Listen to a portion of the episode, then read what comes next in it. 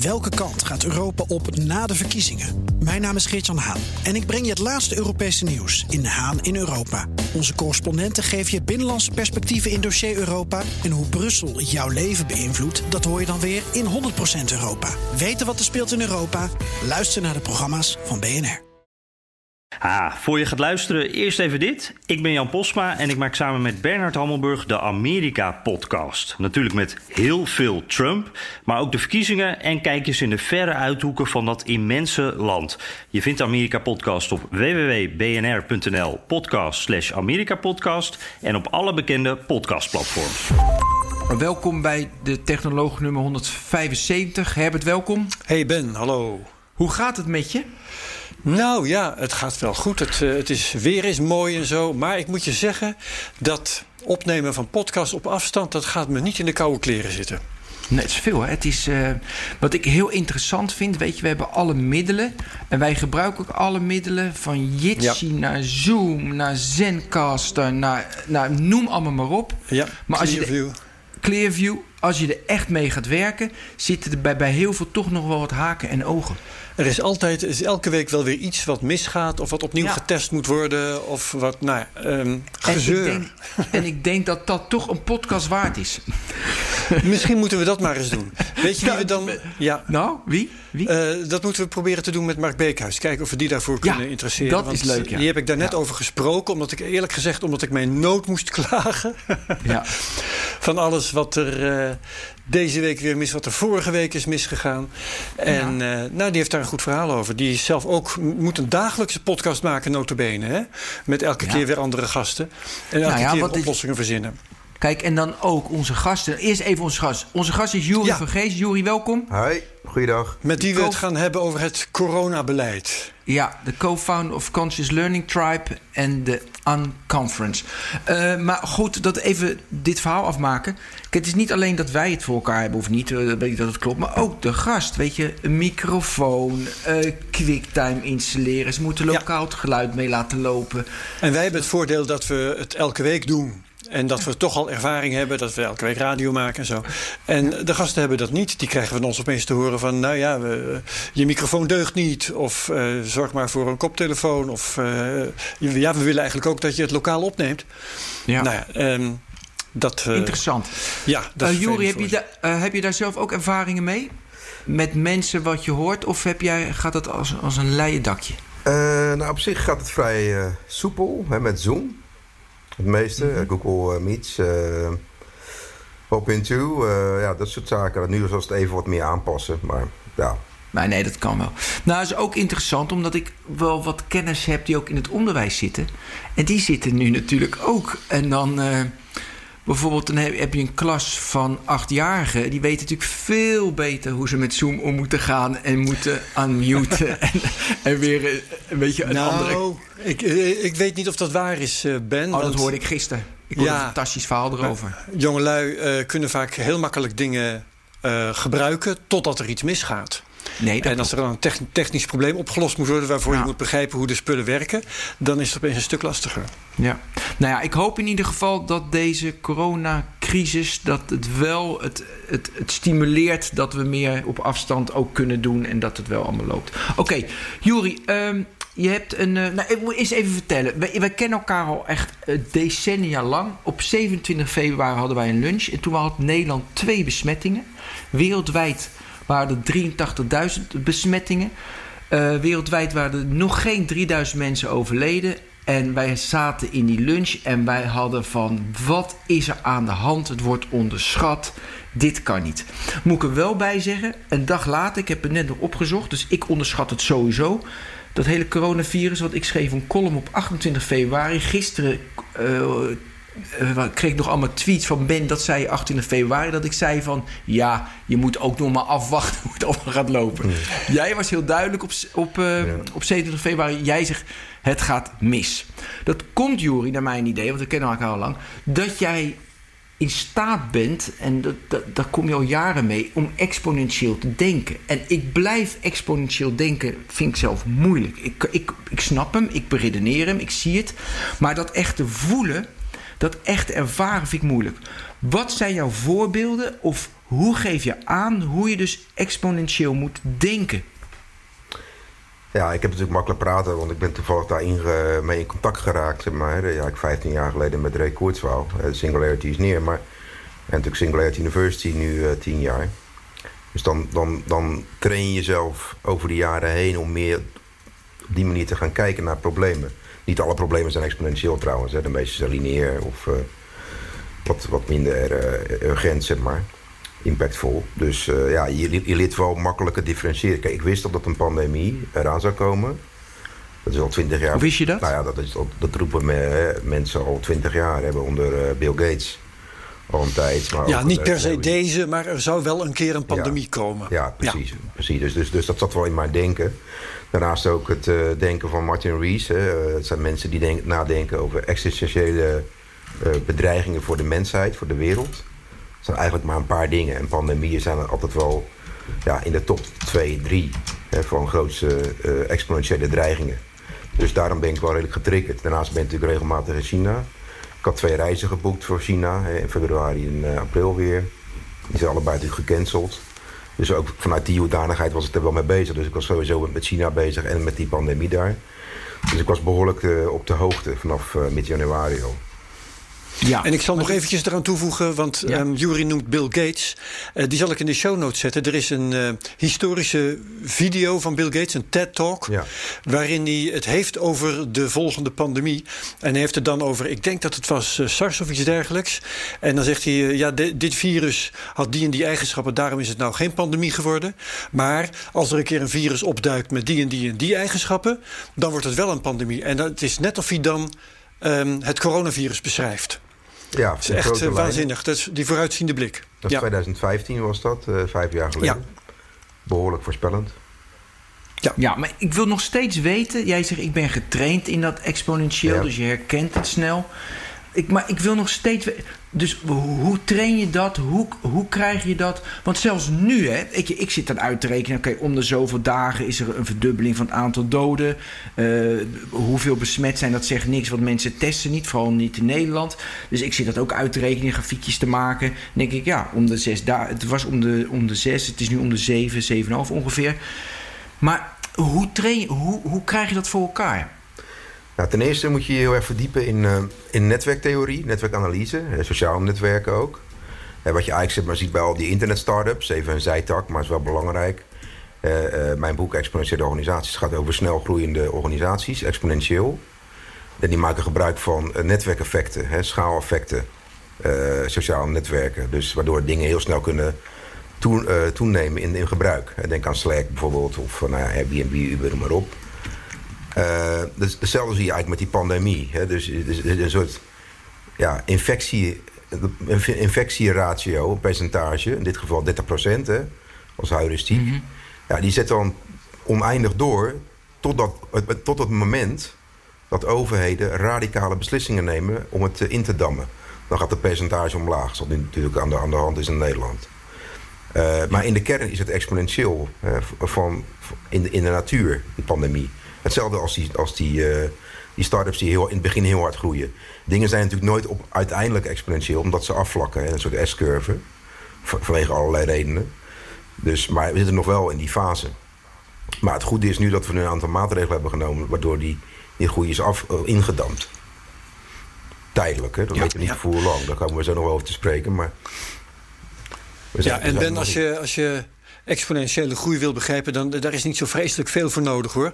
Um, ik, wil, ik wil het voelen. Hè. Kijk, je hebt, ik begrijp het qua, weet je, gewoon, gewoon ratio, videootje, prima. Ja. Maar ik wil het eerder dat ik, weet je, het blijft iets, ja, ja je blijft toch lineair nou ja, denken. Het, helpt als je, het helpt als je je verdiept in voorbeelden. Hè, hoe het internet de eerste jaren groeide. Dat was exponentieel. Ja. Um, een nucleaire explosie is, is iets exponentieels. Eén uraniumatoom wordt gesplitst uh, en daar komen dan drie uh, neutronen bij vrij. Die kunnen elk weer een uraniumatoom splitsen.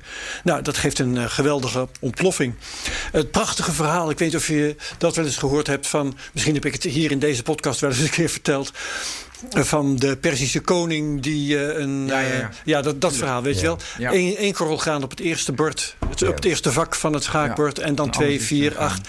En dan krijg je heel snel het gevoel van hoe snel exponentiële groei je overweldigt. En hoe, hoe moeilijk het is in te schatten, hoe snel je je vergist en denkt van dat zal wel meevallen en het valt niet mee.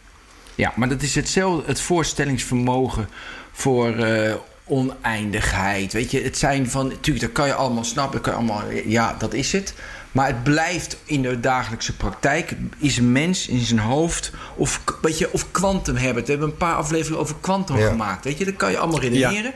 Maar eenmaal, weet je, om echt dat te doorgronden, blijven wij lineaire wezens. Ja, klopt. Nou, en dat is eigenlijk wat ik bedoel. Dat klopt, dat zit in onze natuur. Dat is wel zo. We zijn zo getraind door de evolutie. En dat, dat kun, je, kun je wel ontstijgen, maar dat kost heel veel energie. Ja, dat, uh, ja, dan moet je er dus veel over lezen en veel voorbeelden tegenkomen en zo. Dan ga je dat geleidelijk aan zijn. En daarom horen we dat ook. Ja. Oké, dus wij, je had het al snel door dat het eraan zat te komen. Ik, en, en dan de maatregelen. Want ik, heel, ik, ik lag gisteren nog een tijdslijn. En dat is echt in Taiwan echt direct nog op 2 januari alle vluchten uit Wuhan direct controleren of ze, dat kan je niet controleren met, uh, weet je, maar, maar, uh, maar dat deden ze wel. Uh, dus met temperatuur of die mensen waren besmet. Dus snel maatregelen nemen, indammen. Ja, klopt. Dat is het beste. Kijk, wij hebben de, die, die kans laten lopen in Nederland. Europa eigenlijk in brede zin.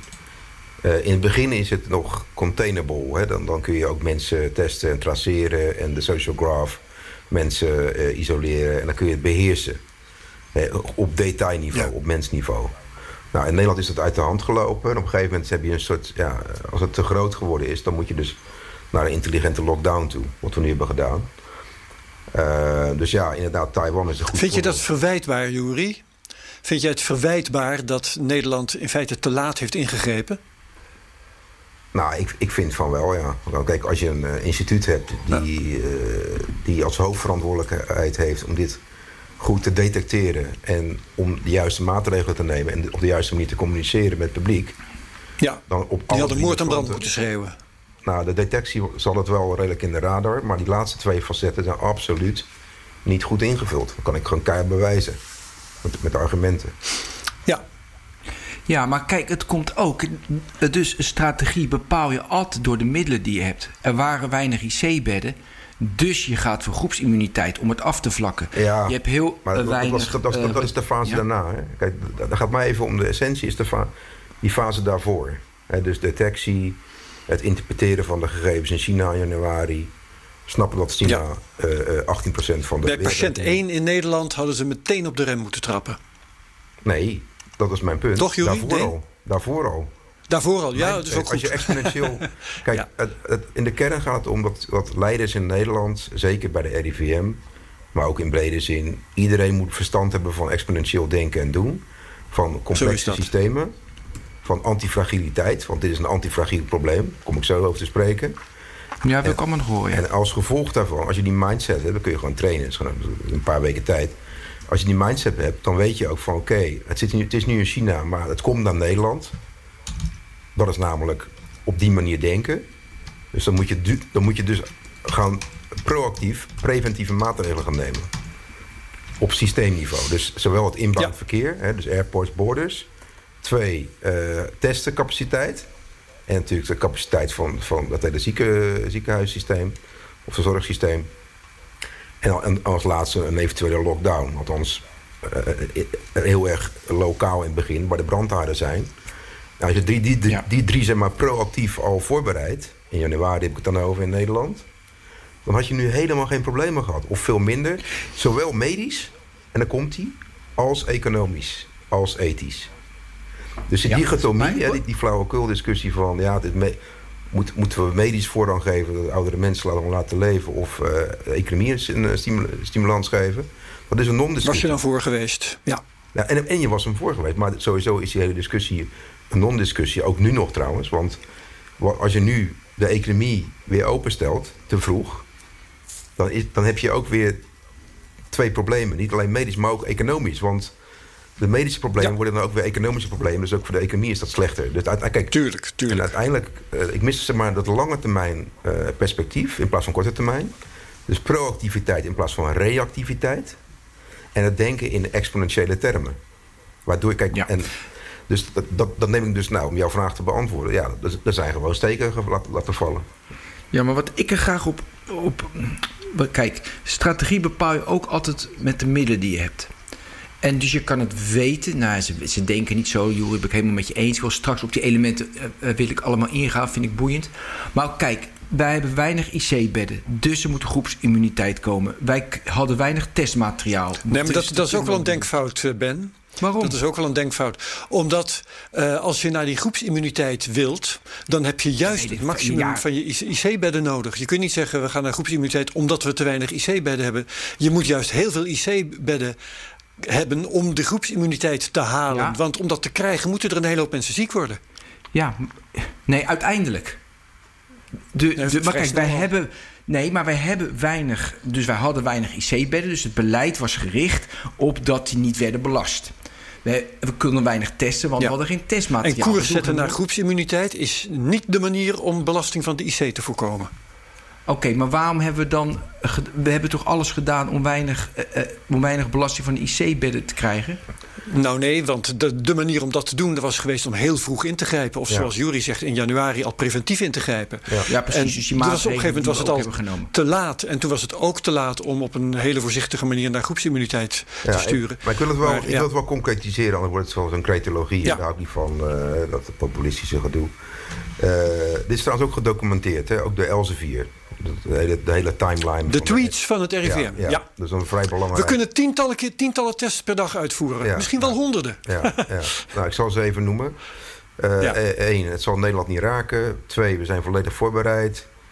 Drie, lockdown, hè, of een intelligente lockdown is not needed. Is niet nodig, we gaan voor herd immunity uh, strategie. nou, dus de scholen kunnen open blijven. de kinderen verspreiden het virus niet. Allemaal assumpties weten we niet. We weten niet wat we niet het weten. Het virus is niet heel besmettelijk, zat er ook nog bij? Ja, daar komt hij. Kijk, als je vanuit antifragiliteit denkt, dus Nassim Taleb, dan weet dit is een onbekend virus. Dus we weten niet wat we niet weten. Nou, als je dat weet, dat je, dat je, het weet dat je het niet weet, uh, dan moet je dus extra voorzichtig zijn. Dat noemen ze het precautionary principle, oftewel. Het voorzorgprincipe. Ja, ja en dat is ja. totaal niet toegepast. En dat zie je in al die uitspraken of die tweets van de RIVM. Daar, daar zit een soort ja, sussendheid. Uh, om... Maar is dat onwetendheid? Ik, ik, kan, het niet, ik kan het niet verklaren. Maar als, als, dat moet je aan die mensen zelf vragen. Dan komt er ook een parlementaire enquête natuurlijk. Dat lijkt me heel erg uh, waarschijnlijk in ieder geval plausibel. Ik weet het niet. Maar ik, heb, ik, ik denk dat het onderschatting is. ja. En ook denk vanuit en daarom heb ik het artikel geschreven op LinkedIn en op onze website bij Conscious Learning Tribe het is ook dat ze niet denk helemaal die complexiteit, dat, dat denken in antifragiliteit hebben aangeleerd. Of exponentieel denken doen natuurlijk wel, dat is een onderdeel van pandemieën. Maar het denken in complexe systemen. Niet alleen ten aanzien van het virus, ook een complex systeem. Maar de complexe systemen waarin zo'n zo'n virus landt. Hè, in, een, in, in, een hele samenleving. Dus die complexiteit hebben ze ook denk ik onderschat. Ja. Hè, ja. Dus dat holistische denken. Zeg maar.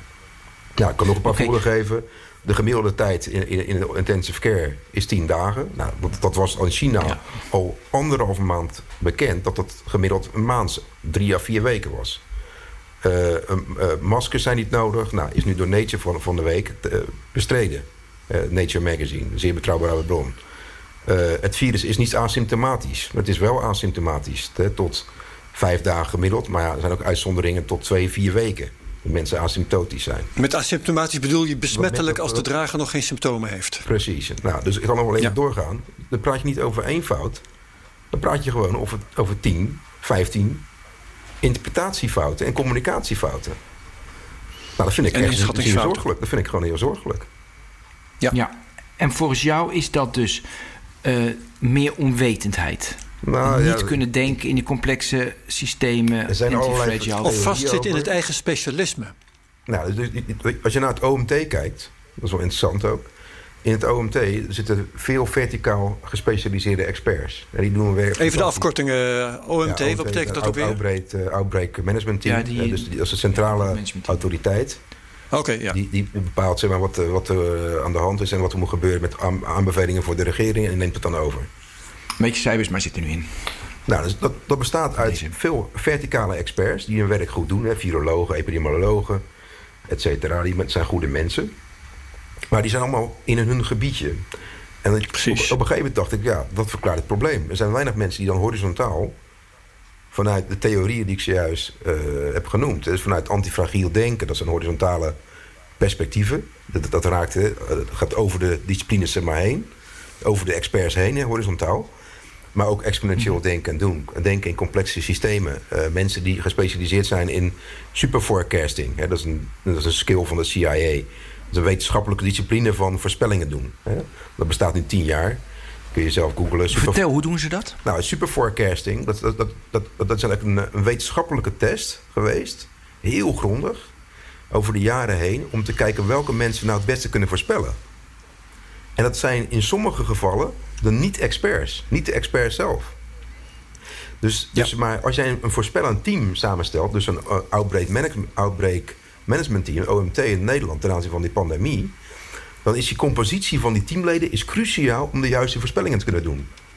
Over de, nou op alle gebieden eigenlijk. Niet alleen maar de IC-capaciteit, ziekenhuisopnames... het virus zelf, immuniteit. Nou, al die variabelen die kun je beter voorspellen als je de, de, de, de, de vuistregels, de trucjes toepast.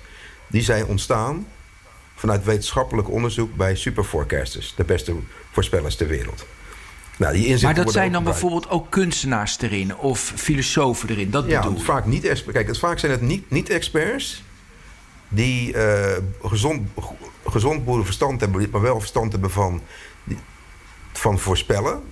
Hè, over verschillende domeinen heen, maar geen domeinexpertise hebben, zoals een pandemie. Die worden Ja. dan wel gevoed van, door de experts. Dit zijn de cruciale variabelen waar je rekening mee moet houden. Dat, dat, dat, dat zuigen ze dan op. Maar vervolgens kunnen ze wel beter, beter voorspellen dan die experts zelf. Omdat ze Ik heb een aantal van dit soort mensen leren kennen eh, op Twitter de afgelopen weken. die de- zich nogal roerden eh, in de be- beginfase van de pandemie.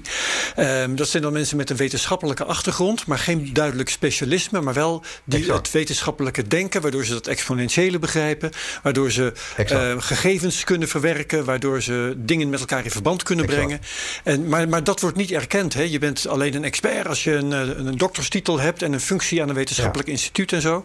En eh, dat is iets wat eh, misschien zou moeten veranderen. Denk dat jij dat ook vindt, Jury? Ja, kijk, even voor de duidelijkheid. Ik ben niet tegen experts. Op geen enkele manier. Nee, nee, nee. Natuurlijk. Even heel duidelijk. Alleen, ik zeg... Maar ze moeten het niet alleen voor het zeggen hebben. Ik stel voor eh, een paar dingen. Je, je zou een soort schaduw-OMT moeten hebben... met een soort figuren die, die ja, losstaan van het systeem... maar wel op, op exponentieel kunnen denken, antifragiliteit... zeg maar, al die kenmerken hebben, zeg maar... waardoor ze een soort klankbord kunnen zijn... voor de, de echte experts. Dat zou heel veel helpen. Of, of in het team zelf. Maar goed, dat kan misschien omstreden zijn. Politiek, maar anyway. Ik, ik, ik pleit voor een herbalancering van hoe je dit soort teams eh, ja, invult. Met echte experts ja. en, en horizontale integratie. Mensen die, die zeg maar, de niet-experts, maar die wel horizontaal kunnen de- denken, integratief kunnen denken. En met een frisse blik. Vanuit andere disciplines of andere domeinen. Want dan heb je daar een veel krachtiger eh, eh, inschattingsmodel, denk ik. Maar, eh, maar Herbert, jij bent toch ook de afgelopen weken er heel intensief mee bezig? Je hebt ook een artikel geschreven op je blog. Ja. En dat vond ik ook heel erg helder. Je had één tabelletje. Weet je, direct ingrijpen. Na drie of vier weken ingrijpen. Het verschil tussen Ja. 16.000 doden en hoe, wat was het uit mijn hoofd, 100 of zo? Ja, wat je krijgt ehm, als je, als je eh Jury zegt terecht, je moet eigenlijk in januari al ingrijpen. Ik ben gaan vergelijken wat gebeurt er als je bij patiënt 1 ingrijpt, vergeleken met wat er gebeurt als je, bij, eh, als je na een maand pas ingrijpt. Ja. En dan heb je na zes weken heb je twee scenario's die vanaf dat moment ehm, eenzelfde verdubbelingstijd hebben. Ehm, maar het scenario dat vroeg heeft ingegrepen, heeft dan 500 besmettingen of zo. En het scenario dat laat heeft ingegrepen, heeft er 4000. Dat is een verschil van 3500. En dat verschil gaat vanaf dat moment in beide of het verschil tussen die twee gaat verdubbelen Ja. Met dezelfde verdubbelingstijd. Dus dat laat zien hoe belangrijk het is om vroeg in te grijpen. Dat betekent dat je, dat je de hele loop van de pandemie profiteert van je vroege ingreep. Van, heb je een lager uh, aantal slachtoffers, lager aantal uh, ziekenhuisbedden nodig, lager, lager aantal IC-bedden nodig. En die verschillen die zijn gigantisch. Ja. Ja. Hey Juri, dus we hebben het al een beetje. Maar ik, kan je, ik wil iets dieper ingaan op wat ik had gewoon de vraag opgeschreven. Wat leer ik bij complexe adaptieve systemen? Als ik dat geleerd heb, wat beheers ik dan? Nou, als je, als je dat beheerst, dan, dan snap je ook dat de, eh, de samenleving, de economie niet alleen maar lineaire verbanden heeft, maar ook niet, niet, niet, niet lineaire verbanden. dat dus alles heeft met alles te maken, heeft verbindingen, zeg maar. Dus dan moet je dus op die manier kijken naar de, de, de impact van zo'n virus op de hele economie en samenleving. dus nou, ik zal een voorbeeld geven. Uh, even concreet, ik kan het niet cijfermatig onderbouwen, maar ik denk dat je hier wel een beeld bij kunt vormen. Dat is een deel lineair en een deel niet lineair gecombineerd. Je hebt een, een crisis in China, economisch, en, naast het medische stuk. China is 17% eh, van de, het GDP wereldwijd. Dat was 4% 2003 bij SARS. Is verviervoudigd. Dus dan weet je dat China uh, heeft uh, enorme relaties als toeleverancier met het hele Westen. Om het concreet te maken, 10% van de Fortune 1000 companies is afhankelijk van de regio uh, Wuhan in China. Ja. Met Taiwan relationships, dus fundamentele kritieke toeleveranciers uit China. 10%. 90% heeft een Tier 2 relatie met China. Nou, toen dacht ik al, nou, als China plat gaat, wat gebeurde eind januari, dan heeft dat enorme impact op global supply chains. Op Nederland, Europa, maar zeker Amerika. Alleen dat heeft een vertragende factor. dat, dat, Er zijn mhm. nog wat voorraden her en der. En nou, dat, dat komt op een gegeven moment op ons bordje. Vervolgens hebben we afgelopen 30 jaar just-in-time supply chains gecreëerd wereldwijd. Met weinig voorraden. Vanwege geld, efficiëntie, aandeelhouderswaarde, et cetera. Dat is niet handig. Dus dan heb je dus tekort. Uh, je krijgt componenten tekorten. Dus aan de aanbodkant van de economie krijg je enorme klappen. Nou, wat, vervolgens zie je, heb je een ander gegeven dat de afgelopen 10 jaar, 12 jaar, hebben we een alcoholist 10 keer meer alcohol gegeven. Ofwel de financiële crisis 2008. hebben we tien keer, tien keer zoveel geld gedrukt. Wat daarvoor ook natuurlijk gebeurde. Om ja, die economie weer aan de praat te krijgen wereldwijd. Met name in het Westen. Dus er is een enorme leenbubbel ontstaan. Hè? Een eh, geldbubbel de afgelopen twaalf jaar. Nou, dat combineert, dat heeft dus impact op bedrijven, ook in die global supply chains. Uh, en nou, daar hebben we het nog niet eens over de horeca en over travel en al die andere sectoren zeg maar, die nu geraakt worden. Maar alleen dat gegeven al, dan weet je dat er heel veel bedrijven gaan omvallen. Dat gaat weer impact hebben op, op banken, hè, op uh, nou, de kapitaalratio, et cetera hun eh, leenvermogen en nou, misschien dat er wat banken gaan omvallen. Dat heeft weer impact op Europa, dat er een nieuwe eurocrisis uh, zou kunnen ontstaan. dat zie je nu ook ontstaan, die discussie. Uh, dat heeft natuurlijk allemaal, dat noemen we het domino-effect. Nou, dat zijn soms niet lineaire effecten, soms lineaire effecten. Dat is complexe systeemanalyse toepassen op een klein probleem in China. Wat, wat, althans, wat, wat klein lijkt in het begin. Wat vervolgens, het butterfly-effect, uh, dat een enorme impact wereldwijd kan hebben. En dat zie je eigenlijk nu gebeuren. Ja. en die analyses worden dus veel te weinig gemaakt. Nou, te laat. Die worden wel gemaakt nu. Hè. Nu wel zeker bij het FD en uh, bij, voor de ommekeer en andere platforms, zeg maar. Dat is prima. Ja, maar het is niet te laat of te vroeg. Want kijk, nu spelen er ook weer elementen. Ik zou één voorbeeld geven. Als ik kijk gewoon naar de beurskoersen. Dan denk ik van, hoe kan dit?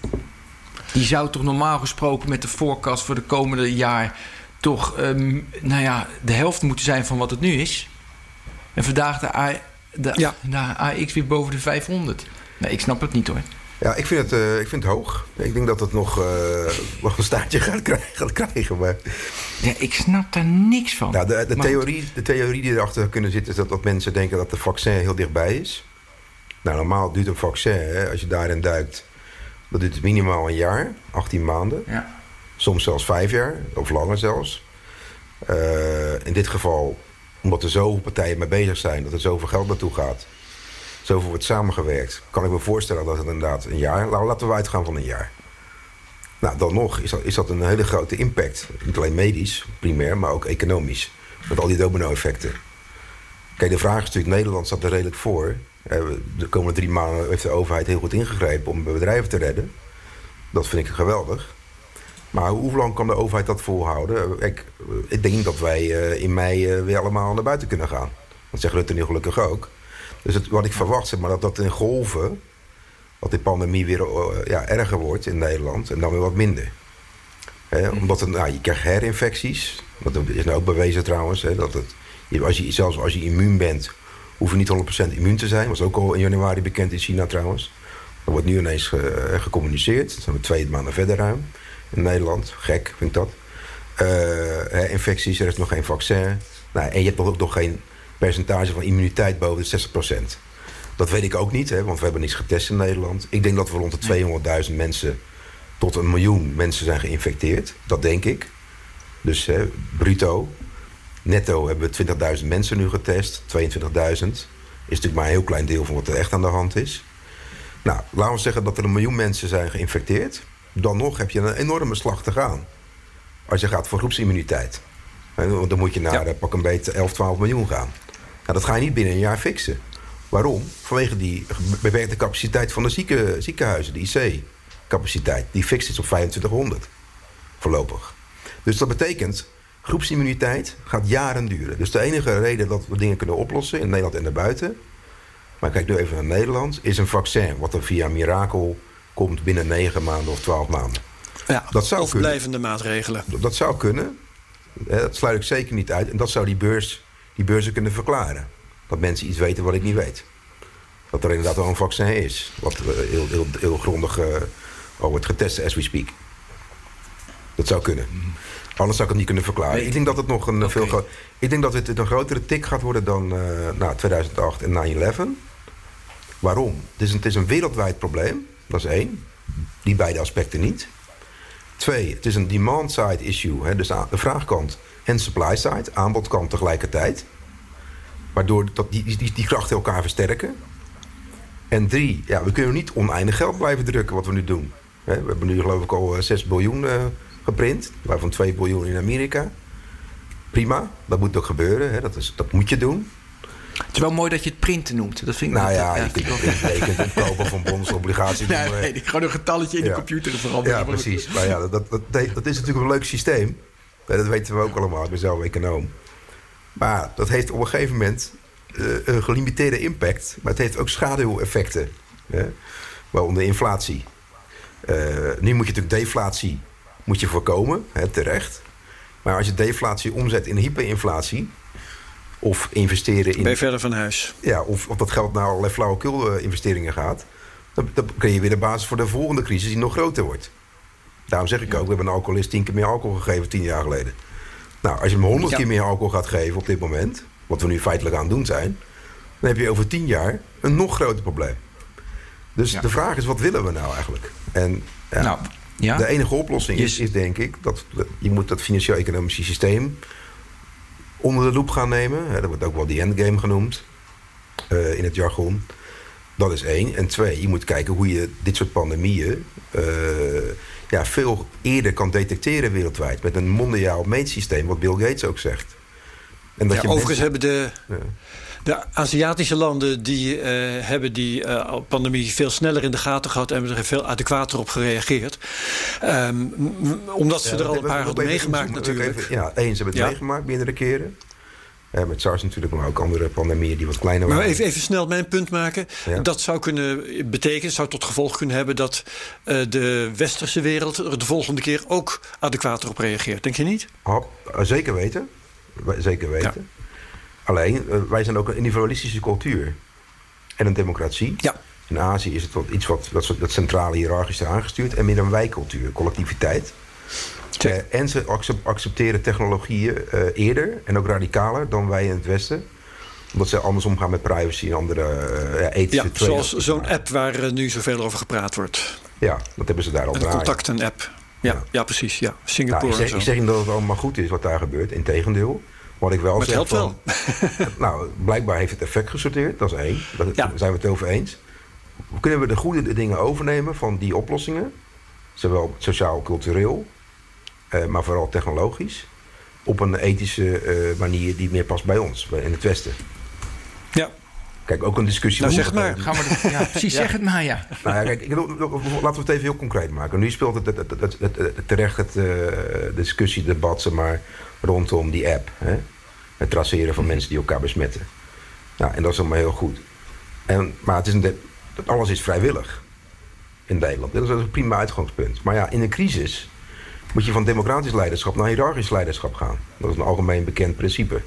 ja. Eh, dat, waarom, Ja, de Romeinen benoemden dan een dictator. ja, maar ik noem het een tijdelijke dictator. En dan een, een, een, Ja. benevo- een, een, een goedaardige dictator, zeg maar. Wat, wat volgens Zeker, mij in ja. Nederland aan de orde eh, kan zijn, of is, of kan, kan worden. Eh, en dan, ja, maar wij doen daar toch iets te spastisch over. We zitten echt in een hele bijzondere situatie, wat Rutte nu ook gelukkig zegt. Ja, een bijzondere situatie vereist ook bijzondere tijdelijke regels. Dat kun je ook institutioneel, juridisch inregelen. En in die zin zouden we wel iets kunnen leren van Azië, ook al is het tijdelijk. Ik denk Ja, dus jij pleit even, even, even om dit helder te krijgen, Jury. Ja, jij, jij pleit eigenlijk voor een, wat, de- wat de Romeinen dus ook deden, voor een half jaar als het nodig was, een, een tijdelijke dictator. Huppakee. Nou ja, dat klinkt al heel negatief. Maar kijk, Harari zegt dat moet je Nou. niet doen. Bij de Financial Times vorige week. Want dat heeft dan een blijvende impact. Als je, als je dan eh, Hmm. privacy schendt, dan blijven overheden blijven privacy schenden. Dat is over het dat is algemeen dat goed waar. Dat is een terechte kritiek Ja. van hem, of een eh, analyse. Maar dat kunnen we wel voorkomen met z'n allen. Door het tijdelijk te maken, door controlemechanismen in te bouwen. Eh, nou, Zeker, dat denk ik ook. en daar, daar pleit ik dus voor. Ik geloof niet Ja. dat we het vrijwillig moeten doen. Want ja, als minder dan 60% dat installeert die app... dan heeft het alsnog te veel gaten in het systeem. Dat, realiseer je je effecten niet. Dus ja, wat willen we? Wat, wat vinden we belangrijker? Is het gezondheid? Is Ja. het economie en gezondheid? Nou, daar kies ik voor. Want er is geen dichotomie. Hè? Die, die, die, die, dat, dat zijn twee kanten van dezelfde medaille. Die kun je alleen maar tackelen. Die kunt de economie alleen maar redden en de, en de medische effecten reduceren. Als je dus de privacy tijdelijk even ja, minder belangrijk acht. Nou, ik kies dan daarvoor. Ja, daar kun je natuurlijk over discussiëren. Dat moeten we ook zeker doen. Maar wel op tijd. Ja, interessant. Ja, Ja. Nou, en ook dat je, in, wat ik interessant vind, hoe iedereen klaar wordt gemaakt voor iedere, weet je, voor een nieuwe beslissing. Weet je, want het zat er aan te komen natuurlijk, die app. En eh, weet je, twee weken geleden worden de eerste berichten, komt naar buiten. En dan nu ook nog onderzoekend. En volgende week wordt dat waarschijnlijk aangekondigd als ze dat hebben. Eh Juri, je zegt in dat stuk ook dat je, we moeten om eh, zeg maar COVID-19 te voorkomen, diagnosticeren en behandelen, moeten we exponentiële technologieën gebruiken. Ja. En dan noem je eh, drones, computable biology, face ID. Wil je te, even een paar DNA-sequencing? Ja. Weet je, wil je al die termen langsgaan? Welke technologieën? Ja. Nou, het, het verschilt per land. Hè, welke worden toegepast. Eh, China worden de meeste wel, wel toegepast, denk ik. Ehm, Oké, de drones, daar is bekend. Hè. Drones kun je inzetten voor crowd control. Dat gebeurt ook in Nederland. Om mensen, te, te- als ze dicht bij elkaar staan... om ze afstand op het uit elkaar strand. te drijven. Het strand inderdaad. Eh, computational biology, dus dat zijn manieren hè, om in simulaties eh, ja, nieuwe medicijnen, te, vaccins te creëren. Op een snellere manier dan vroeger. Want vroeger moet je dat, moest je, moest je dat hè, fysiek doen. Die vaccins creëren, dat kun je nu via simulaties doen. Waardoor het veel sneller gaat en eh, effectiever en preciezer. Eh, Heb je daar voorbeelden van? Want ik keek op, eh eh, op, op was nu een, eh, dat je weet je dat ze alle COVID-19 wetenschappelijke artikelen, daar konden zeg maar data, weet scientists die, die kunnen dan helpen om al die artikelen te doorgronden en te kijken of ze daar iets uithalen. Ik heb heel vaak van dat zijn experimenten. Of heb je voorbeelden dat er daadwerkelijk iets uitkomt uit zo'n groepseffort? Ja, over het algemeen wel. Kijk, ik kan niet de specifieke details in dit geval benoemen. Maar het is plausibel. eh, want dit speelt natuurlijk al, al een paar jaar. Dat je hiermee de, de, het het creëren van het, zeg, het vaccin... en het testen daarvan, dat je dat, mee, dat, je dat kunt bespoedigen. eh, met deze technologie. Wacht even, oké, ja. Ja, Eh, simulaties draaien. ja, want als je het Ja, fysiek moet doen, is het gewoon veel trager en foutgevoeliger. Dan kun je het veel meer, veel meer schalen via simulaties. Ja. Hetzelfde geldt voor nieuwe materialen. Hè. Die worden nu ook in simulaties eh, ontwikkeld op hun eigenschappen voor eh, elektrisch, mecha- mechanisch en eh, chemisch. Dus kun je via simulaties veel beter uitfilteren. Dus eigenlijk een, het filteren is veel makkelijker, laat ik het zo zeggen, in een simulatie. Dus dat is een gegeven. Hoe kijk jij ernaar, Herbert? naar dat soort dingen? Um, ik weet dat dat gebeurt. Uh, het, is, het is eigenlijk vanzelfsprekend. Je kunt tegenwoordig zo goed met uh, inderdaad computers uitrekenen wat de eigenschappen zullen zijn van een stof of wat de resultaten zullen, zullen zijn van een of andere ingreep. Dat je dat zeker moet doen. Het gebeurt ook. Ja. En, en je zou nog veel meer moeten doen. Ik denk inderdaad. Maar ja. Um, als je dat toepast op zo'n pandemie bijvoorbeeld, dan denk je, ja, we, we, wisten eigenlijk wel hoe die zich zou ontwikkelen. Daar had je bijna geen simulaties voor nodig en toch werd er niet naar gehandeld. Dus er zijn wat dat betreft toch altijd mechanismen die de andere kant op werken en die ervoor zorgen dat, dat, uh, dat er van die kennis geen gebruik wordt gemaakt. Dat is een beetje, uh, voor mijn gevoel, nog te veel een loterij. Maar dat is denk ik ook wat Jury bedoelt. Het is okay. niet Jury dat, uh, dat je dit soort dingen moet doen en ook inderdaad gebruik moet maken van die kennis die je dan uit volgt. Ja, tuurlijk. Ja, want als je het op de traditionele manier doet, dan is het uh, te, te, traag, zeker in dit geval. Hier is de snelheid het allerbelangrijkste en accuratesse. Nou, Face ID is het herkennen van mensen. Uh, dat is niet, ja, wat minder relevant, maar dat zou interessant kunnen zijn als mensen die besmet zijn, als je die wil opsporen waar ze zijn. Dat is natuurlijk heel erg omstreden in Nederland, dus dat gaan we hier niet doen. Algoritmes kun je overal toepassen om dingen te ja. analyseren, te voorspellen en te voorkomen. Dus dat lijkt me sowieso een basistechnologie die je op heel veel terreinen kunt toepassen. Robots, ja, robots kunnen mensen vervangen. Denk in de dienstverlening, eh, bepaalde, nou, als winkels open zijn, dat robots eh, klanten bedienen. Dat gebeurt ook al. Ik heb mooie voorbeelden, ja, heb ik voorbij zien komen. Ja, dus is wat minder relevant dan drones, maar robots kun je dus mensen, kunnen mensen vervangen. Robots zijn niet besmettelijk. Nou, je, je voelt hem wel aankomen, robots worden niet ziek. Ja, denk in, uh, in productiesystemen. Je ziet ook een enorme push nu naar het volledig robotiseren van fabrieken. Hè, als gevolg van deze crisis. Interessant, vanuit medisch oogpunt. Eh, DNA-sequencing is het uh, uitlezen van het virus. Dat hebben ze on ontzettend snel gedaan in China. In de recordsnelheid en de WHO. Uh, dus zeg maar, wat is de, de, essentie van het virus? En vervolgens kun je dat met die, het uitlezen van het DNA van het virus... kun je makkelijker dat, dat, vaccin gaan creëren. Dus die, die eerste stap hebben ze ja. heel snel gedaan het uitlezen van het DNA op een snellere manier. Uh, CRISPR, nou, de genetische modificatie, kun je ook weer gebruiken om uh, een vaccin te creëren. Nanocoatings, het gaat over nieuwe materialen, die passen ze al toe in China al vier jaar.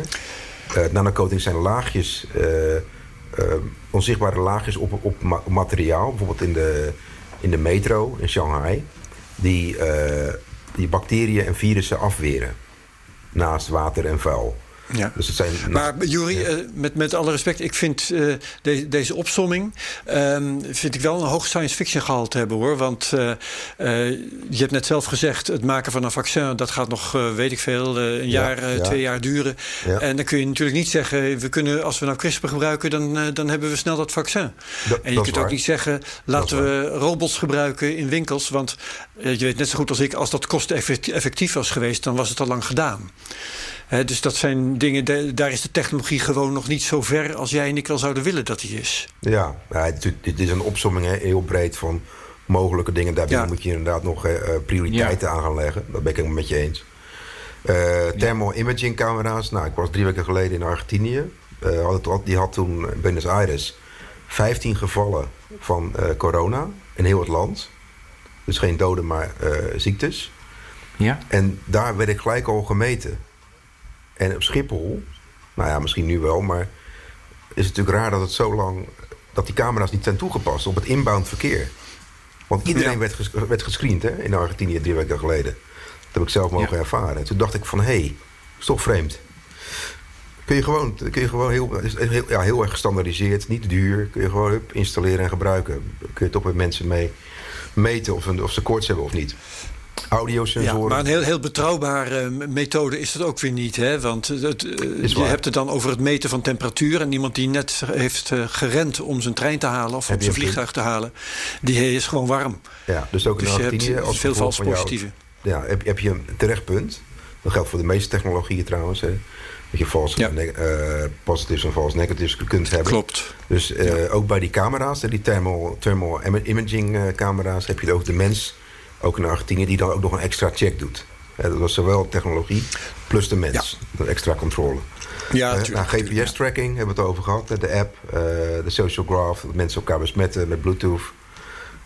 maar ook GPS-tracking in het algemeen. Dat gebeurt ook in Israël en China. Waar zijn mensen geweest? Ja, is natuurlijk gevoelig qua privacy, maar het is wel een tool die werkt.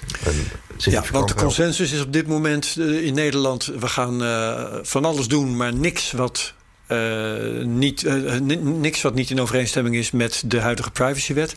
Jij zegt eigenlijk, uh, jongens, schuif dat nou maar opzij. gezichtsherkenning, GPS-tracking en noem maar allemaal op. Moet, dat moet maar even kunnen, dat zeg jij. Mm, ja, ook nee, ik zeg, laten we kijken naar het hele spectrum. Oké. Leren van de, de best practices en benchmarks in het buitenland. Wat past bij ons? Waar hebben we de meeste bang voor de bak? Oftewel, welke technologieën hebben we de meeste impact om die pandemie in te dammen? Ja, okay. minst, uh, minste ethische bezwaren. Kijk, Face ID krijgen we er niet doorheen, denk ik, in Nederland. En terecht, denk ik. Maar zo'n GPS-tracking, Social Graph, uh, zo'n app met Bluetooth... dat moeten we denk ik wel zeker doen. En ik denk zelfs verplicht. Ja, maar dan wel met garanties dat het weer wordt teruggedraaid als het niet meer nodig is. Ja, precies. Ja. En met de juiste governance, hè, en checks en balances. Dat niet bij bedrijven terechtkomt, maar dat de overheid dat dan zelf doet of een onafhankelijk ja, Maar dat is wel een heel moeilijk punt, hè? want hoe bouw je die garanties in? We weten ook allemaal dat de overheid de neiging heeft om ja. uh, zoveel mogelijk te nemen en niet zo. Uh, denk aan het kwartje van Kok, om maar even iets ja. willekeurig voorbeeld te noemen ik, ik, ben me daarvan bewust, hè, ook uh, Marleen van der Waag en, terecht. Dat, maar kijk, het feit dat het vaak misgaat, wil niet zeggen dat het altijd misgaat. Nou ja. Uh, wij, is, het, is het aan ons om dat beter in te regelen met z'n allen.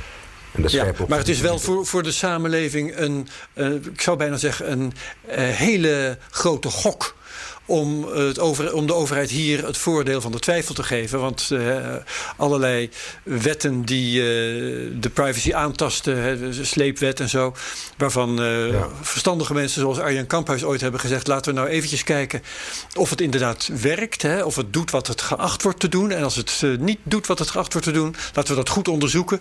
Laten we dan weer terugdraaien. Daar is zelfs niet op gereageerd. Daar is, laat staan dat zulke garanties zijn ingebouwd. Ja, dan heb je een punt. Ik ken Arjan natuurlijk ook, of kende hem. Uh, je weet het verhaal. Ja. Dus hij heeft hij een punt. Ik deel zijn opvatting daarin. Alleen we zitten nu met deze situatie. Hè. Dit is een urgente situatie. Dat GPS-tracking, die social graph, de Bluetooth... dat, dat heeft significante impact. Uh, we moeten gewoon veel meer gaan, gaan meten. En dan kunnen testen, zeg maar, zowel qua virus als immuniteit. Ja, ik denk dat dat een low-hanging fruit uh, ja, toepassing is. Die we, die we moeten oppakken. Ja, nou, het is in elk geval gezond als die discussie daarover op gang komt. Dat ben ik dan weer helemaal met jou eens. Ja. Nou, een andere technologie, dat gaat dan wel weer ver, maar je hebt dan QR-code in China. Die, die geeft dan je status aan, of het groen, oranje of rood is. En nou ja, dan wordt gewoon toegang geblokkeerd tot allerlei uh, nou ja, plekken, fysieke plekken in het land. Op basis van je status. Als je rood hebt, kom je heel veel geblokkeerd, zeg maar. Dat gaat vrij ver, maar iedereen heeft dus zijn eigen individuele status op zijn smartphone. Ja. dat zijn een aantal suggesties. Ja, ik, ik, ik, ik, ik voel toch wel voor een aantal van deze uh, technologieën om daar wat serieuzer naar te kijken. Zeker. Waar ik het nog graag over wil hebben, als jij vindt dat we daar aan toe zijn, uh, Ben. Dat is het, uh, het laatste deel van Juris' stuk. Het dat gaat normaal. over. Ja, precies. Over uh, de, de dingen die in de samenleving zouden kunnen veranderen. Ja. Als we hier doorheen zijn. Of misschien zelfs ja. voordat we hier nou, in de loop van. Precies. Ik wil, ja, ik wil heel graag, want we hebben ongeveer nog 16 minuten. Ik wil heel graag het nieuwe normaal schetsen. En hoe we dan bij dat nieuwe normaal komen. Dat is toch ook wat je bedoelt, Herbert? Dat bedoel ik. Ja, en dan, uh, dan begrijp ik dat Jury dingen voor zich ziet. Uh, zeg het maar als het anders is, Jury. Uh, dat mensen meer waardering geven aan hun gezinsleven. En dat er duurzamer en relaxter geleefd gaat worden. En dat soort zaken. met meer, meer aandacht voor klimaat en gezondheid. En, en allemaal van dat soort dingen. Dus dat zou het nieuwe um, normaal dan ook zijn? Hoe, hoe, kun, kun jij wat beter dan ik het nu doe schetsen, Jury, wat jij voor je ziet? Ja, uiteraard weet ik niks zeker, even voor de duidelijkheid, maar dit is gewoon hè, een mm -hmm. gedachte. Dat is al mooi. Het is een denkoefening. Ja. Het is een denkoefening, want niemand kan de, in de toekomst voorspellen, alleen maar die kan de toekomst creëren. Zeg maar. Uh, nou, ik denk dat we wel naar een andere tijd gaan uh, in termen van, met name ecologisch, dat mensen anders gaan kijken naar de natuur, noodzakelijkerwijs om de volgende pandemie te voorkomen. Maar ook dat mensen zich anders gaan verhouden tot de natuur. dat niet zozeer uh, we gaan de natuur controleren en een soort aanhangsel, zeg maar. Maar dat, dat de waardering voor de natuur zal denk ik heel erg aan toenemen. Vanuit defensief oogpunt Maar ook vanuit, ja, omdat we dat, dat gewoon nu anders beseffen, zeg maar. Dat dat een belangrijke kanteling is. Je ziet ook dat uiteraard mensen meer gaan denken in exponentiële termen in de toekomst.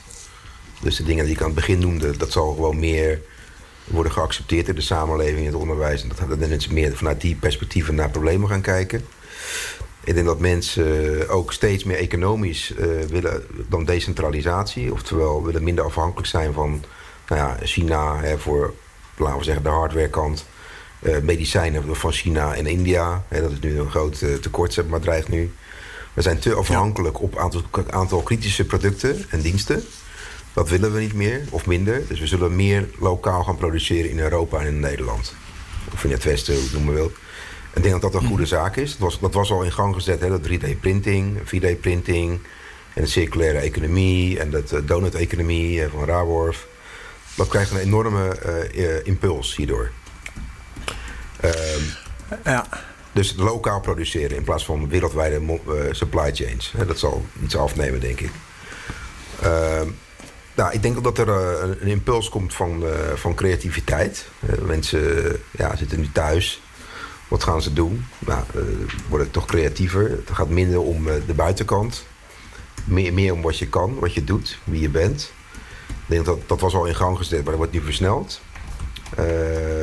Dus dat zie je eigenlijk ook ja, met social... bijvoorbeeld met Instagram ja. mooi, nou, versus TikTok. Ja, dat is wel een grappige analogie. Het gaat veel, veel verder dan dat. Maar uh, de afgelopen tien jaar was natuurlijk Instagram en Snapchat. Nou, dat is leuk voor status en uh, de vorm. Maar nu bij TikTok, bij TikTok gaat het ook veel meer om uh, wat je kunt. Hè? Dat je mastery, heb je iets onder de knie. Dus meer vanuit inhoud, intrinsieke skills en motivatie. Minder vanuit dat je ergens een tof leven hebt, zeg maar, zogenaamd. Dus we gaan van buitenkant naar binnenkant door deze crisis wordt dat versneld. Omdat mensen in de crisis natuurlijk gaan nadenken van ja, wie ben ik nou eigenlijk? Je hebt heel veel tijd om na te denken. Noem ik meer de spirituele dimensie. Uh, omdat je, ja, je hebt gewoon minder tijd nodig om te reizen. Dus je hebt meer tijd voor reflectie. Wie ben ik nou eigenlijk? Wat wil ik? Wat is mijn passie? Wat is mijn purpose? Wat is mijn ikigai? Hè, mijn, missie in het leven. Daar heb je nu maanden de tijd voor om daar meer tijd voor vrij te maken. Dat heeft weer impact op, uh, op werk. Misschien gaan meer mensen van werk veranderen, verwacht ik of andere eisen stellen ten aanzien van hun werk of werkplekken. Dat mensen misschien toch wat vaker thuis willen gaan werken. Omdat die balans tussen privé en werk toch wel prettig is ergens. Ja. Dat mensen ook steeds meer digitaal willen blijven werken. dus uh, niet alleen digitale nou, e-commerce, maar ook digitale conferenties, videoconferencing, Zoom, digitaal onderwijs, digitale zorg. Dat komt allemaal in een enorme stroomstelling nu. Digitale overheid, dat, dat zal denk ik zo blijven voor een, voor een groot deel. ook na de crisis. Dus dat is een hele goede ontwikkeling, denk ik, voor het klimaat. In brede zin, maar ook voor de volgende pandemie. Om daarop voor te bereid, uh, voorbereid te zijn. Dus we worden antifragieler door die digitalisering. Antifragiel betekent profiteren van chaos. In plaats van dat je robuust bent of fragiel. Kun je profiteren van chaos. Nou, dat noemen ze antifragiel. Dus, uh, dus we zullen ook te maken krijgen met, hè, wat Hugo de Jonge ook, die trouwens heel goed doet, vind ik. Uh, we moeten ook anders zich gaan kijken naar wetgeving. Hè, wat meer fluïde voortschrijdend inzicht, wat flexibeler om met dit soort problemen om te kunnen gaan. Nou, nu, omdat de wetgeving nu wat fluider wordt, zie je dat er ook heel veel mooie dingen ontstaan in de zorg in een hele korte tijd. Nou, dat vind ik interessant. Ik denk dat dat, dat, dat, dat, dat, beseft, dat, dat besef meer zal blijven. dat we anders uh, naar wetgeving gaan kijken, wat meer fluïde als dat noodzakelijk is. Niet alleen maar rigide. Uh, nou, Even kijken, wat ik nog meer op. Ja. op ik vind het een mooi perspectief, Jury. Uh, maar ik, ik, ik ben het grotendeels niet met je eens. Mooi. Nou, maar Herbert, mag ik dan jouw tweet even voorlezen? Ja, precies. Ja, doe maar. Waar komt toch het man... Dat is jouw tweet deze week. Ik vond me echt super grappig. Maar grappig vond ik hem. En niet dat, waar komt toch dat malle idee vandaan dat alles anders wordt? Dat de tijden van vroeger niet terugkomen? Dat zou gebeuren na de hashtag oliecrisis, na de hashtag dotcom-crisis, na de hashtag kredietcrisis. Onderschat niet het vermogen van de mensheid niet te leren van zijn fouten. Ja, en precies. En dan denk ik inderdaad vooral aan de kredietcrisis, waarvan iedereen begreep dat die werd veroorzaakt door te veel schulden. En wat is er daarna gebeurd? Ja. Nog meer schulden. Nog meer schulden. Dus ik, Ja, daar heb je gelijk ik, en gelijk ik, ik vind het dus ik vind het prachtig. Je schetst allemaal mooie Ja. dingen die nu, die nu zouden kunnen gebeuren. Allemaal. maar, maar weet je, eh, we kunnen wel onze productieketens zo gaan eh, inrichten dat we bijvoorbeeld minder gebruik maken van China. Dat is een van de dingen die jij noemt. En we kunnen eh, een grotere waardering krijgen voor de natuur. En dat is Ja. wat nu. Ik loop nu ook meer door het bos, heb ook meer tijd voor. Allemaal waar. Maar ehm, zodra we niet meer hoeven, dan gaan we bedenken van... oh, wacht even, ja, we hebben wel veel meer, minder inkomen gehad de afgelopen maanden. Gauw even eh, flink doorwerken Ja. om dat weer in te halen. Daar, daar ga ik een beetje mee. Zo gaat het toch? Nou, ik wil, ik wil even iets breder, eh, iets, iets, iets meer uitzoomen. Eh, om die vraag goed te be- kunnen beantwoorden. Nou, je hebt natuurlijk het verhaal van Geert Mak gehoord bij, bij Buitenhof, denk ik.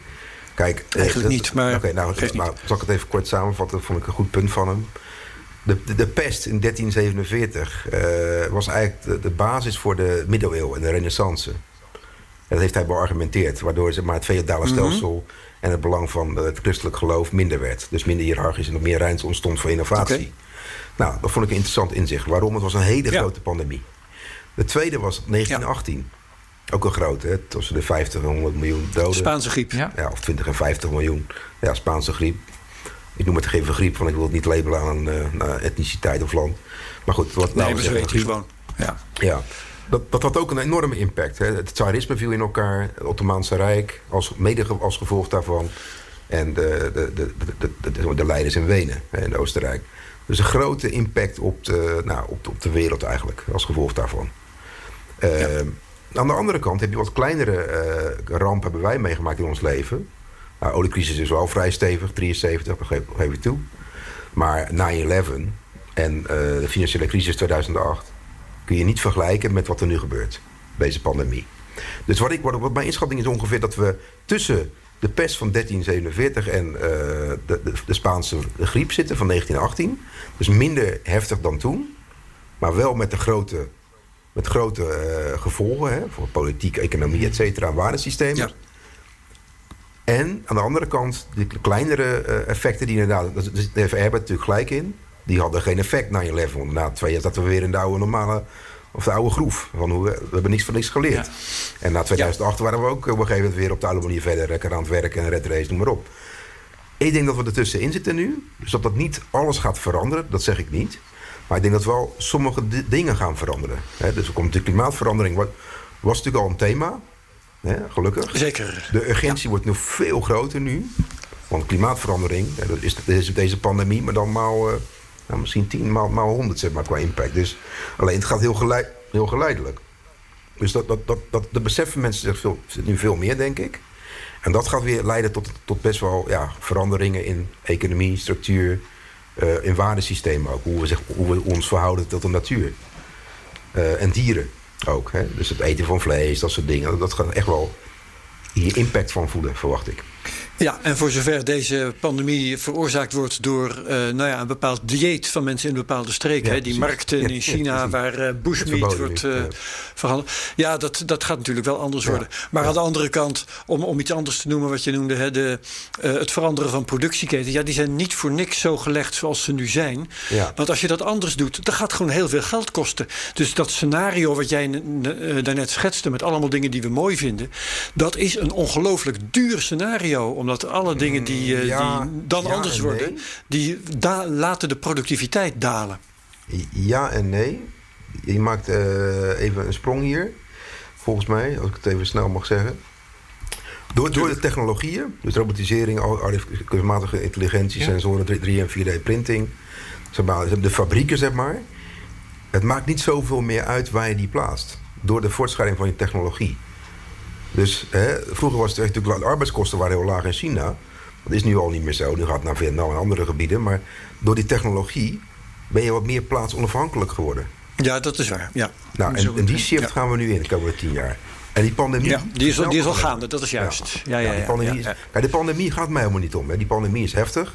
Maar die is de trigger voor die bubbel, die financieel-economische bubbel die we hebben opgeblazen de afgelopen twaalf jaar. Het gaat helemaal niet over die pandemie. Het heeft op zich natuurlijk allemaal nare effecten. Maar die klap daaronder is het leeglopen van die bubbel. Daar maak ik me zorgen Ja, over. dat is meer de aanleiding dan de oorzaak. Ja, dus die 10 bedoel jij. miljoen werklozen in Amerika in twee weken tijd. Nou, dat komt hier natuurlijk ook, maar veel, veel- iets minder heftig en iets later, ja. Maar dat, dat, dat hebben we nooit, nooit meegemaakt in Nederland, wat, wat, wat eraan komt. Hè, de komende, nou ja, negen Klopt. maanden. Dat wordt heel, heel heftig. Ja, en dat kunnen we wel sussen. Maar ja, volgens mij kunnen we daar beter nu al nog een open gesprek over voeren. Hoe gaan we die klap eh, met z'n allen opvangen? Ja, lijkt me iets beter. Wat zou er nu moeten gebeuren als jij nu Rutte bent? Ja, heel veel dingen die, die ik heb opgeschreven hebben ze al opgepakt eh, en eh, gefaseerd. Dus kijk, ik ben nu wat minder eh, somber, zeg maar. Ik ben best wel po- positief wat er nu allemaal gebeurt, ook door de RIVM, alleen even traag. Alleen, ja, kijk, waar ik me nu mee bezig hou, ook voor de regering trouwens, ik ben een plan aan het maken voor, het, voor de volgende golf in Q4. Ik denk dat er een volgende griep, een volgende pandemie, of ja, virusgolf komt in, de- in de herfst en dan de winter. En de worst case scenario is dat het virus muteert. Dat kans is heel klein, Ja. daar heb ik ook in verdiept. Maar, ja, Dat niemand meer immuun is. Maar stel dat dat gebeurt, hè, dan heb je een echte black swan te maken, eh, mee- mee te maken. Dan hebben we echt een probleem. Dat het, dat het dodelijker wordt of nog viraler wordt. En, nou, dan heb je de vaccin, kun je weer de prullenbak gooien, et cetera. Dan sta je weer 18 maanden achter. Dat is het worst case scenario. Daar ben ik nu een plan voor aan het maken. Om dan dat de regering dat hopelijk wel eh, heel snel oppakt. En het OMT. Oké, als je dat plan eh, af hebt, dan kom er even weer mee bij ons langs, zou ik dan moet zeggen. je eerst even dat bij ons presenteren. Ja, ik weet niet wat de goede volgorde is, maar ik sta er zeker voor open. Wij, wij weten dat wel, ja. ja, Wij weten dat zeker. Nou, de kern van het plan is eigenlijk, kan ik wel alvast zeggen, dat, dat, dat besef is nu wel enigszins geland volgens mij, maar niet helemaal. Eh, je hebt te maken met, eh, je, je weet niet, we weten niet wat we niet weten. Mhm. Dus er komen verrassingen. Hè? Dat noemen ze de vetteeltproblemen. eh, eh, dus eh, verrassingen, dus dit is geen normale verdeling, dit virus. Hè? Er zullen verrassingen plaatsvinden. Dat kan een mutatie zijn of iets anders, dat weten we nog niet. Dus we moeten voorbereiden op het aller, allerergste scenario. Dat hebben we continu nagelaten. Vind ik, afgelopen drie maanden. Ja. Nou, dat moeten we dus voor die volgende golf voorkomen. Hè, Q4 dit jaar. Dat is het laatste kwartaal. Dus het, het worst case scenario is dat het virus muteert. En Dus, dan moet je dus nu al gaan nadenken... oké, wat zijn de eerste... hoe kunnen we veel preciezer gaan meten in Q4? Hè, dus iedereen in Nederland. Eh, en die test moet accuraat zijn en efficiënt. En als het dan weer opduikt... of die variant opduikt... hoe gaan we dan wel op, op zijn Chinees... heel radicaal... Het hele, ja, Aanpakken. Al die drie, drie Ja. componenten die ik in het begin noemde... om die gewoon op tijd te implementeren, om het in te dammen. En dan, zitten we, Ja. dan zijn we op een goede plek. Als we weer de fouten gaan herhalen van de afgelopen drie maanden... ja, dat, dat, dat zou echt heftig kunnen worden. Dus dat wil ik voorkomen. Precies. Dus eigenlijk de kern is van het plan... het voorzichtigheidsprincipe, het precautionary principle... omdat je niet weet wat je niet weet... moet je extreem voorzichtig, preventief kunnen opereren... en heel groot, hele grote maatregelen durven nemen. En niet bang zijn Ja, dat, je, je dat, je het niet kunt verkopen aan het publiek. Want mensen snappen dat echt wel in Nederland. Ook al zijn we allemaal eigenwijs en individualistisch, Eh. et cetera... En, of stront eigenwijs. Dat snap ik. Maar mensen zijn niet gek. Mensen willen ook dat hun gezin en hun ouders ook blijven leven. En zijzelf ook. Ja. Dus er is veel meer begrip voor radicale... Dat laatste help ik je hopen, maar eh, ja, het kan. Het kan. Ja. En ik- ja, ik, dat, is, dat, dat is dus de- in het kort de bijdrage. Dat wordt dan onderbouwd met die eh, perspectieven die ik noemde in het begin van dit gesprek. Ja. Ja. ik hoop dat we het daar dan tegen die tijd ook weer over hebben in de technoloog. Zeker. Eh Juri, hartstikke bedankt. Eh, in de show notes staat het artikel. Iedereen lezen. Ehm, Herbert, hartstikke bedankt. Ben bedankt. Dit was de Technoloog 175. Tot de volgende Technoloog. Hoi.